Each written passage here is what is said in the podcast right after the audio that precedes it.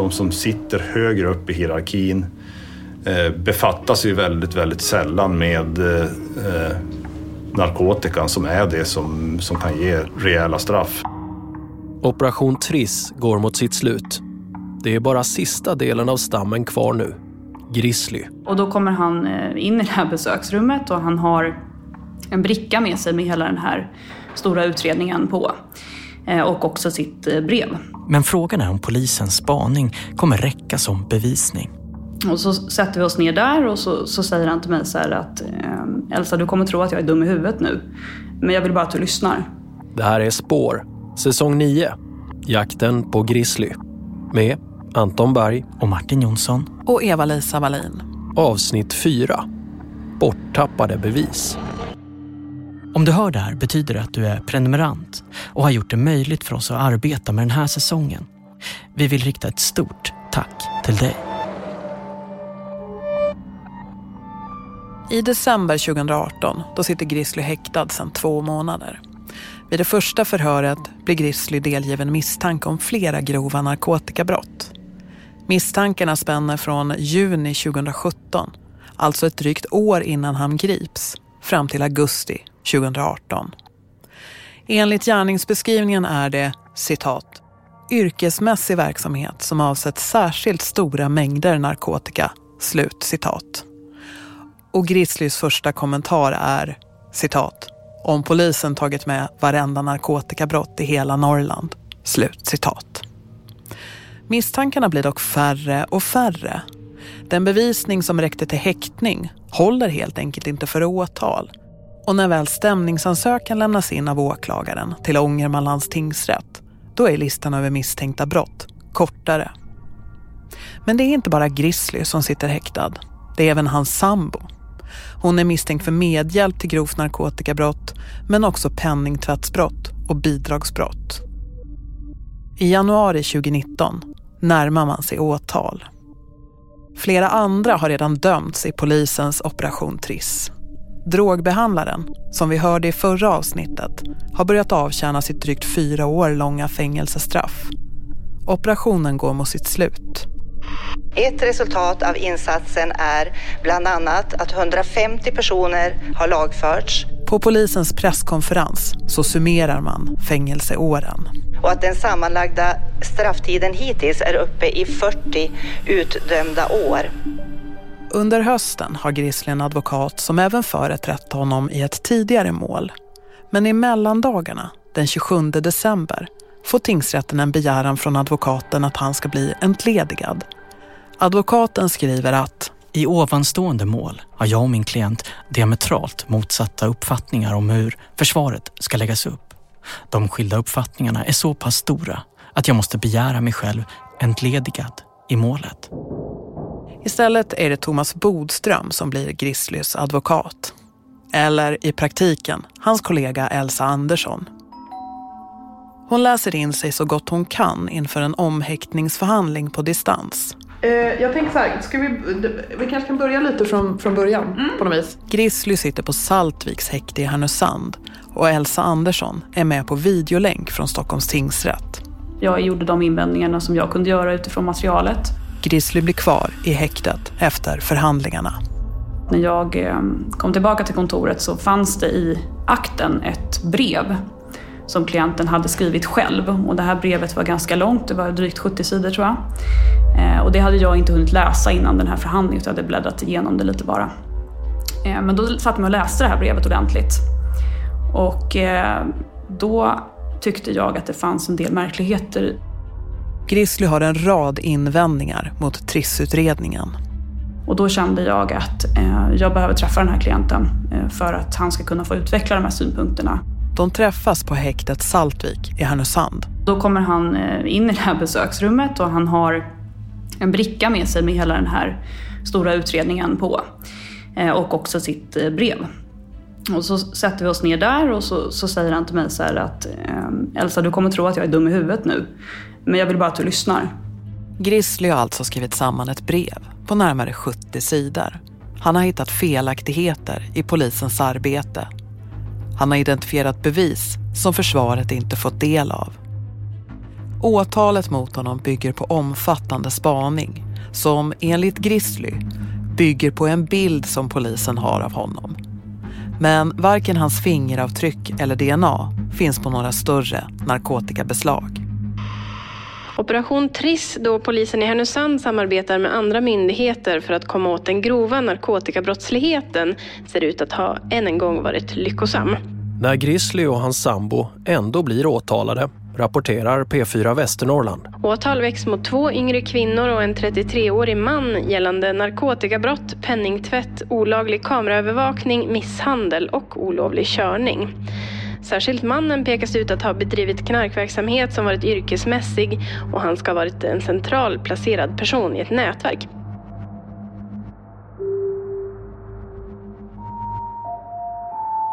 Av punkterna gällande grova narkotikabrott som Grizzly häktades för återstår två narkotikabrott av normalgraden. Det ena handlar om några gram cannabis, det andra om ungefär fem hekto. Och så ytterligare några brott som ringa narkotikabrott, misshandel och grovt penningtvättsbrott. Penningtvätten, menar åklagaren, handlar om att sopa igen spåren mellan brott och pengar. Alltså att helt enkelt dölja att ens pengar kommer från exempelvis narkotikaförsäljning. För sambon återstår bidragsbrott och grovt penningtvättsbrott. Hon misstänks helt enkelt för att vara inblandad i Grizzlys verksamhet. Under rättegången hörs flera poliser om spaningen mot Grizzly och även om den övergripande bilden att han är en av ledarna högst upp som styr och ställer i Härnösandsnätverket. Det som jag övergripande reagerade på i det här målet var att det fanns ett väldigt tydligt personligt fokus. Spaningen har ju pågått i nästan två år när rättegången sker i början av 2019. Men Grizzly håller inte med om polisens påstående om att han skulle vara en av ledarna. Vi hör hans advokat, Elsa Andersson. Liksom i delar närmast någon typ av demonisering av honom på ett sätt. Eh, man hade initialt, redan innan man grep honom, en, ehm, jag tror att man hade gjort någon typ av ehm, förstudie eller förinsats där man då hade formulerat en hypotes som gick ut på att Björn då skulle vara en eh, central aktör inom eh, den organiserade narkotikahandeln i Norrland och att han hade tillgång till våldskapital och liknande. På ett sätt så skulle man kunna se det här som finalen på polisens arbete med Operation Triss. Nu har man arbetat i två år. Man har fått ner våldsbrotten, man har lagfört flera personer, tagit narkotika och även vapen från gatan.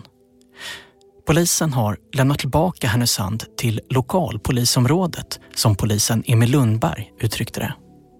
En av huvudaktörerna, drogbehandlaren, sitter i fängelse. Nu är det Grizzly kvar.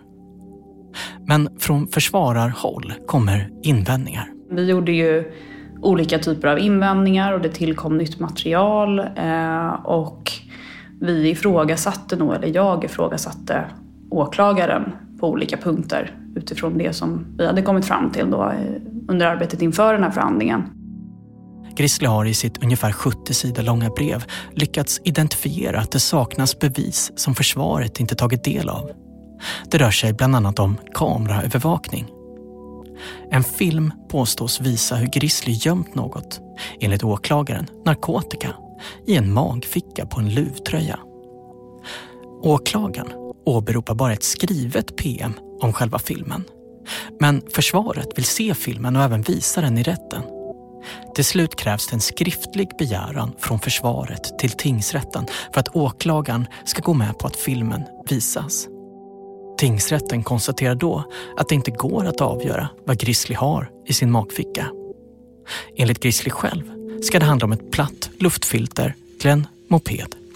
Eh, så det var en ganska så um, intensiv rättegång um, där, där, um, där det förekom diskussioner kring bevisningen och ja, principen om bästa bevismedlet och så.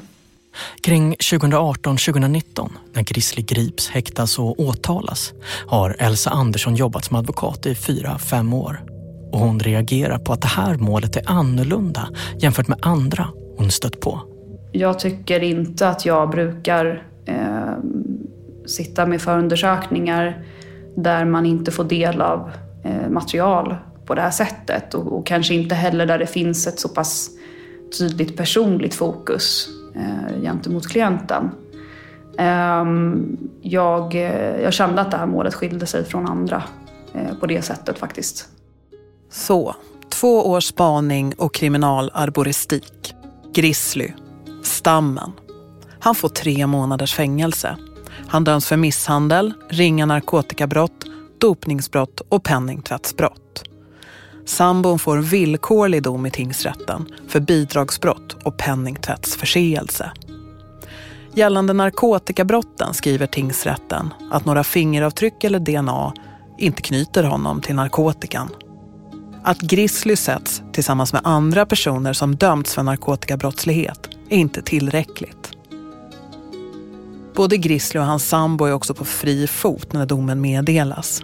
Tingsrätten fattar beslut om att häva häktningen för de båda efter att förhandlingen avslutats.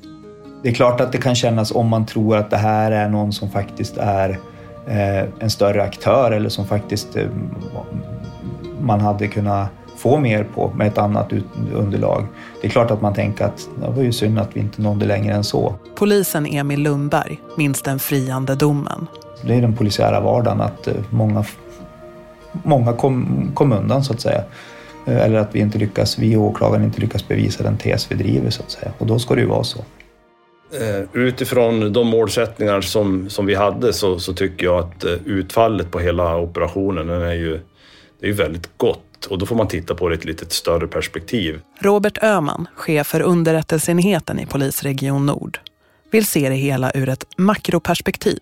Det, det handlar ju på något vis om att eh, återställa lag och ordning i, i en ort som, som Härnösand och eh, i de delarna så tycker jag att där, där lyckas vi otroligt bra. Eh, sen är det som du säger, sen eh, når vi inte hela vägen när det gäller eh, samtliga av de, av de högsta aktörerna.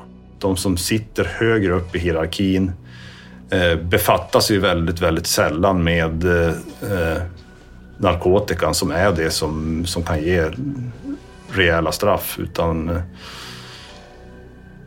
vi vet också att på, på den tiden så använder man sig utav eh, krypterad, eh, krypterad kommunikation som, som polisen inte kom åt helt enkelt med, med de traditionella metoderna som, som fanns på, på den tiden. Men frågan är om det bara handlar om att bevisen inte räckte den här gången. Grislys advokat, Elsa Andersson, igen. Eh, jag tyckte att eh, det ska inte vara upp till eh, den misstänkte och dennes försvarare att presentera det material som är relevant. I alla fall inte om åklagaren själv har tillgång till det materialet. Utan ska man bedriva utredningen på ett objektivt sätt så måste man presentera alla omständigheter oavsett om de är till den tilltalades fördel eller nackdel. Och så upplevde jag inte att det var fallet här. Efter tingsrättsdomen gör Elsa Andersson en JO-anmälan mot åklagaren i målet. Jag, jag skrev den här JO-anmälan därför att eh, jag tyckte att eh, åklagaren hade åsidosatt sin objektivitetsplikt. Anmälan handlar om vad hon menar är fundamentala brister i polisutredningen. Alltså det, det, det är klart att man har kritiserat utredningen på olika sätt men jag, har inte, jag hade inte JO-anmält någon åklagare tidigare. Det hade jag inte gjort. Kommer ni ihåg den där brickan som Grizzly kommer med till det första fysiska mötet med advokat Elsa Andersson på häktet i Saltvik precis innan åtalet mot honom skulle lämnas in? Hur han vill få henne att lyssna. Elsa, du kommer tro att jag är dum i huvudet nu. Men jag vill bara att du lyssnar. I sin JO-anmälan tar Elsa Andersson upp en del av det som Grizzly presenterar för Elsa den där dagen på häktet. Den kommer bland annat handla om de direkta fel som finns i utredningen. Fel som kan ha uppstått på grund av att polisen var för målinriktade mot Grizzly. Ett sånt fel som Grizzly och Elsa Andersson upptäcker, det har sin början i sommaren 2017. Det är då precis i början av Operation Triss. Då har polisen spaning mot en man som levererar narkotika till olika orter i Sverige. Vi kan kalla honom Kuriren. Kuriren tillhör inte Härnösandsnätverket utan utgår från södra Sverige i slutet av juni 2017 ser spanare Kuriren i Kristianstad, Spånga, Västerås och Härnösand. Polisen misstänker att han ska lämna en del narkotika till Grizzly. Mannen, Kuriren, har ett halvt kilo cannabis med sig på sin resa norrut. Kuriren lämnar det mesta i de första städerna och i Härnösand lämnas bara en mindre mängd på några enstaka gram. Någon dag senare sker ytterligare en leverans, men då är det två kilo kokain som lämnas i Göteborg. Mottagaren i Göteborg blir gripen och döms. Men det dröjer ytterligare några månader innan polisen lyckas identifiera kuriren som kört genom stora delar av Sverige. Han grips till slut i början av december 2017 och han erkänner transporterna. Kuriren döms till fängelse för sina resor under våren 2018. I domen kan man läsa att kuriren säljer rätt mycket cannabis under turnén norröver. Några enstaka gram lämnas av i Härnösand, enligt domen. Ett halvår senare, under hösten 2018, då blir Grizzly och hans sambo häktade. Det är då slutet på Operation Triss.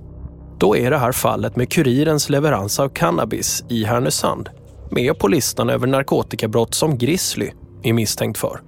Grizzly menar alltså åklagaren ska ha tagit emot cannabis av kuriren från södra Sverige. Men på något sätt har de enstaka grammen som kuriren blivit dömd för blivit betydligt mycket mer i en häktningsframställan mot Grizzly. Nu rör det sig inte längre om några gram, utan mellan 1 till 3 kilo. Det är så mycket cannabis att det rubriceras som en av delpunkterna om grovt narkotikabrott. I det målet då så hade man ju delgivit eh, min klient misstanke om det här brottet eh, baserat på då uppgiften om att den här personen som hade dömts för det här narkotikabrottet skulle ha uppgivit att han hade gjort den här leveransen om 1-3 kilo i, i Härnösand. Exakt hur det går från några gram cannabis som fastslagits i en annan dom till 1-3 kilo i en ny misstanke mot Grizzly vet man inte. Så hade man ändå då valt att eh, eh ange misstanken mot Björn som 1-3 kilo trots att en domstol då redan hade kommit fram till att, att så inte var fallet utan att det rörde sig om en betydligt mindre mängd. Eh, och det, det var ju någonting som jag reagerade lite på varför man så att säga vidhöll den misstanken ändå mot den bakgrunden. När det väl blir åtal mot Grizzly, då är mängden justerad och normalt sett brukar några gram cannabis landa på ringa narkotikabrott. Men åklagaren anser att det är ett brott av normalgraden som alltså kan ge ett högre straff eftersom det, citat, ingått som ett led i en verksamhet som bedrivits yrkesmässigt och då narkotikapartiet utgjort så kallat varuprov. Slut citat. Med andra ord menar åklagaren att Grister tog emot några gram som ett prov och att han senare förmodligen skulle köpa mer och sälja i sitt eget nätverk. Men kontakter med andra som dömts för narkotikabrott och den här bilden då av att Grizzly är en huvudaktör, det räcker inte. Våren 2020, då sänker hovrätten Grizzlys straff från tingsrättens tre månaders fängelse till en månad. Det han döms för är misshandel, ringa narkotikabrott och dopningsbrott. Och Grizzly döms aldrig för att ha tagit emot det här förmodade varuprovet på cannabis. Sambon, hon döms bara för bidragsbrott och den villkorliga domen fastställs. Hon får dessutom skadestånd för att hon suttit häktad för länge på oskäliga grunder. Elsa Anderssons JO-anmälan, den prövas dock aldrig. Vi har sökt åklagaren i Operation Triss. Vi vill fråga honom om felen som försvaret hittat i utredningsmaterialet. Om bevis som de inte fått del av och om straffen som utdelades mot Grizzly. Först tre månader och sen i hovrätten då bara en månad. Åklagare pratar. Ja men hej, du det här var Eva-Lisa Wallin som jobbar som journalist igen. Hej. Hej. Jag ber om ursäkt om jag ringer och stör dig, eh, men jag såg ditt rätt korta svar på min senaste mejl och jag tänkte i alla fall göra ett nytt försök och kolla om du kan tänka dig att bli intervjuad. Alltså, det, det, är flera journalister som är på i olika ärenden nu och jag tackar nej till, till alla. Uh, jag vet inte vilket ärende. Det, ja, det gäller det här gamla Operation Triss. Nej, hur nej. Nej, nej, nej. Du måste sätta mig in i det. Nej, det är inte aktuellt. Spår söker också Grizzly för en intervju. Vi har frågor om flera händelser i hans liv, men också om Triss-rättegången. Vi skriver brev till Grizzly. Han är skeptisk men säger inte direkt nej till en intervju. Det framgår att hans drivkraft för att i så fall medverka handlar om att berätta om de fel han anser finns i Trissutredningen mot honom. Och det han helst vill prata om är att hans sambo satt häktad under nästan tre månader och att hon var inlåst över både jul och nyår och endast fick ha begränsad kontakt med de gemensamma barnen. Grizzly hävdar också att det ska finnas material som visar att åklagaren som åtalade Grizzly och sambon ska ha begått grova fel. Till och med lagbrott. En anhörig som Spår får kontakt med ska ha tillgång till det här materialet. Vi kommer att ha skäl att återkomma om det här. Hur har hans syn på, eller din klients syn på liksom polisen, rättsväsendet påverkats av det här målet? Han har ju framförallt varit orolig utifrån eh, sin familjs perspektiv. Eh, därför att han har också upplevt att det har funnits ett personligt fokus mot honom eh, som också har involverat och drabbat hans familj i och med att hans sambo då också blev frihetsberövad.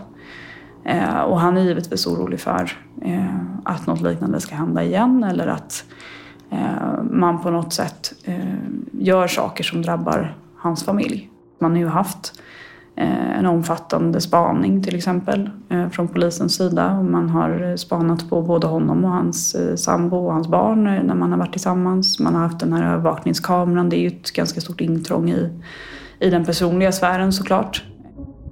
Att polisen har övervakning på en person som de misstänker var en huvudaktör i ett nätverk som förändrar hela Härnösand med omnejd kanske inte höjer några ögonbryn idag. Men som Grizzlys advokat Elsa Andersson är inne på så drabbar ju det här integritetsintrånget inte bara Grizzly utan även hans små barn. Och i hans fall landar dessutom lång spaning i enbart en månads fängelse. Men det har onekligen skett en förändring i debatten om användningen av hemliga tvångsmedel. Alltså samlingsnamnet för exempelvis avlyssning av telefon och mejl och hemlig kameraövervakning. Nu under hösten 2022 har till exempel en utredning om så kallad preventiv avlyssning utan brottsmisstanke presenterats för regeringen utan några större diskussioner. Men så har det inte alltid varit. Om man är tillräckligt gammal så kanske man minns debatten om FRA-lagen för 15 år sedan. I Ekot, då förslaget ännu inte var helt klart, var moderata riksdagsmän kritiska det är klart att jag reagerar som ledamot från konstitutionsutskottet på ett förslag som passerar de gränser som har satts upp för att, för att skydda den enskildes integritet och privatliv. FRA står för Försvarets radioanstalt och lagen som klubbades sommaren 2008 gav FRA rätt att bedriva signalspaning på kabelburen trafik som passerar Sveriges gränser. Det vill säga lyssna på telefoner och läsa internettrafik i förebyggande syfte. Debatten på nätet stormade så mycket att ordet bloggbävning uppstod och kom med på nyordslistan 2008. Utanför riksdagen i morse samlades flera hundra demonstranter som ville gå längre och helt stoppa FRAs avlyssning. Den här lagen är ruttig, rutten i grunden. Den här lagen handlar om att kränka integritet. Oavsett vilka formuleringar man använder på den så kommer det vara fortfarande exakt samma sak. Ekot rapporterar om protesterna. Lagen röstades igenom. Det började ju med FRA-lagen och det som också nu heter preven, eh, preventivlagen. Va? En av de få rösterna idag som är kritiska mot övervakningssamhället, det är advokat Sargon Debasso. Det vill säga att en gång i tiden så hade vi en tanke att eh, det militära skulle få avlyssna människor utan brottsmisstanke. Det var ju den så kallade FRA-lagen. Han sitter även med i utredningen som presenterats under hösten 2022. Den om avlyssning där det handlar om hur och inte om preventiva tvångsmedel ska kunna införas. I praktiken så handlar det om att få avlyssna personer utan konkret brottsmisstanke. Men det som nu händer det är att utvecklingen går till att den ordinära polisen, alltså åklagare, interimistiskt det påtalas så mycket i den här utredningen att, det, att en domstol ska pröva saker och ting men vi glömmer bort att det är interimistiskt, det vill säga i det omedelbara över, ögonblicket så får en, får en åklagare fatta beslut om att avlyssna en människa utan konkret brottsmisstanke. Integritetsfrågor ligger inte i tiden. Så ser samtiden ut. Vi går i en stark repressiv riktning och det går med en rasande fart Grizzly var ju misstänkt för inblandning i grov narkotikabrottslighet. Men trots den omfattande spaningen som pågick under Operation Triss mot både honom och sambon så gav det inga bevis som kunde leda till en fällande dom för grova brott. Totalt ledde Operation Triss till att 40 fängelseår delades ut. Men när Spår försöker förstå hur polisen själva utvärderar den två år långa insatsen så hittar vi snudd på ingenting. Nej, det är, vi brukar inte skriftligen utvärdera den typen av ärenden. Utan de följs ju upp kontinuerligt och utvärderas kontinuerligt liksom från insats till insats. Hans Björner var när Triss drog igång chef för gruppen som jobbade med ärendet. Men blev längs vägen lokalpolisområdeschef i södra Ångermanland, där Härnösand ingår. Den här typen av ärenden återrapporteras ju, åtminstone vid den tidpunkten, varannan vecka mot, mot uppdragsgivaren, då, operativa rådet. För jag har ju läst också operativa rådets eh, rapport och där pratas det om fängelseår, eh, vad som tagits i beslag i form av narkotika och vapen. Men liksom inget mer djupgående kring metoder man använde, om det träffade liksom rätt. Hur tänker du kring det? Borde man inte liksom utvärdera mer rejält Ja, än jag- att räkna liksom beslag så att säga? Det skulle bli tokigt på ett sätt om man skriver ner exakta arbetsmetoder som, man, som blir en, kanske en offentlig handling där man kan läsa så här jobbar polisen i detalj eh, med eh, en viss typ av ärenden. Det skulle ju vara, inte vara så, så klokt av det skälet så att säga. Men, men eh, metoderna som, man, som vi använder när vi jobbar, de utvärderar vi ju kontinuerligt hela tiden. Liksom. Den kontinuerliga utvärderingen den ska ha skett muntligen och har inte dokumenterats skriftligt. Därför har vi inte kunnat granska den. Från polisens håll är man i stora delar nöjd med operationen. med resultatet utav själva ärendet utifrån problem i, i lokalsamhället. Det upplevdes ju, eh, vad jag vill minnas, både om vi tittade på uppföljning och brottsstatistik men också utifrån eh, kollegors och allmänhets upplevda trygghet, att det hade eh, förändrats till det bättre. Efter operation Triss då skrev socialtjänstens fältgrupp i Härnösand ett inlägg på Facebook. Idag tackar vi polisen efter det gjorts offentligt hur hårt de jobbar för att göra Härnösand till en bättre stad. 28 kilo hasch, nästan 6 kilo amfetamin, en stor mängd tabletter, en del andra droger och vapen har tagits i beslag och kommer inte nå våra ungdomar. 40 års fängelse har dömts ut och förhoppningsvis blir det många fler år utdömda i en operation som vi inte vetat så mycket om. Det visar hur mycket de arbetar i det tysta och utan uppskattning från allmänheten. Tack! Och det gjorde vi nog för att Fältaren Mattias Melander igen. men vi ville uppmärksamma att polisen gör ett bra arbete, för det gjorde de ju verkligen där. Vad blev det för skillnad i Härnösand efter den? Ja, men det var ju några som, som fick fängelse och, och sådär.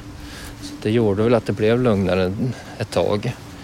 Sen så i den världen så är det väl alltid någon ny som kliver in och, och tar på sig det ansvaret som de andra hade.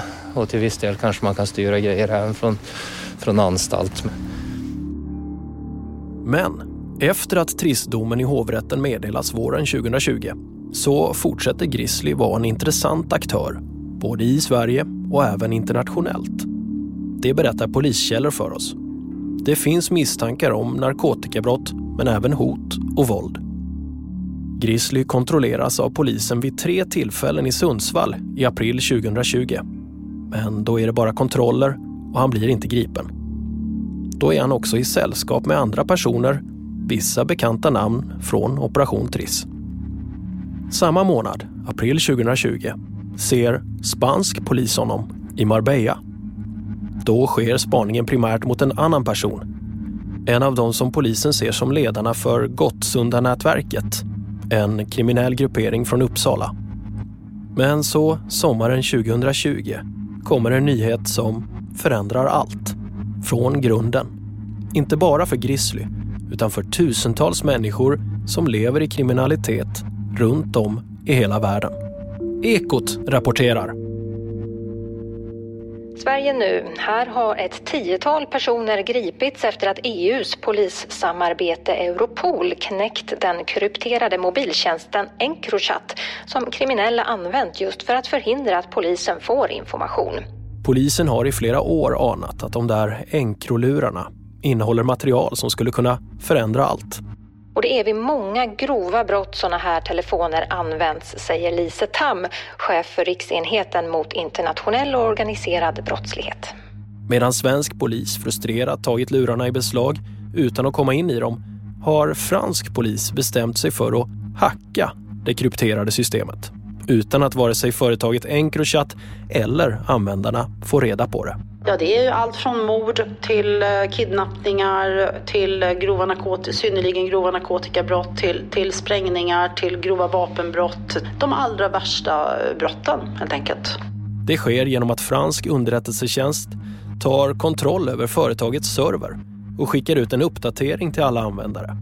När den som har en Encrolur tackar ja till uppdateringen så kan franska polisen plötsligt ta del av meddelanden och bilder som skickas.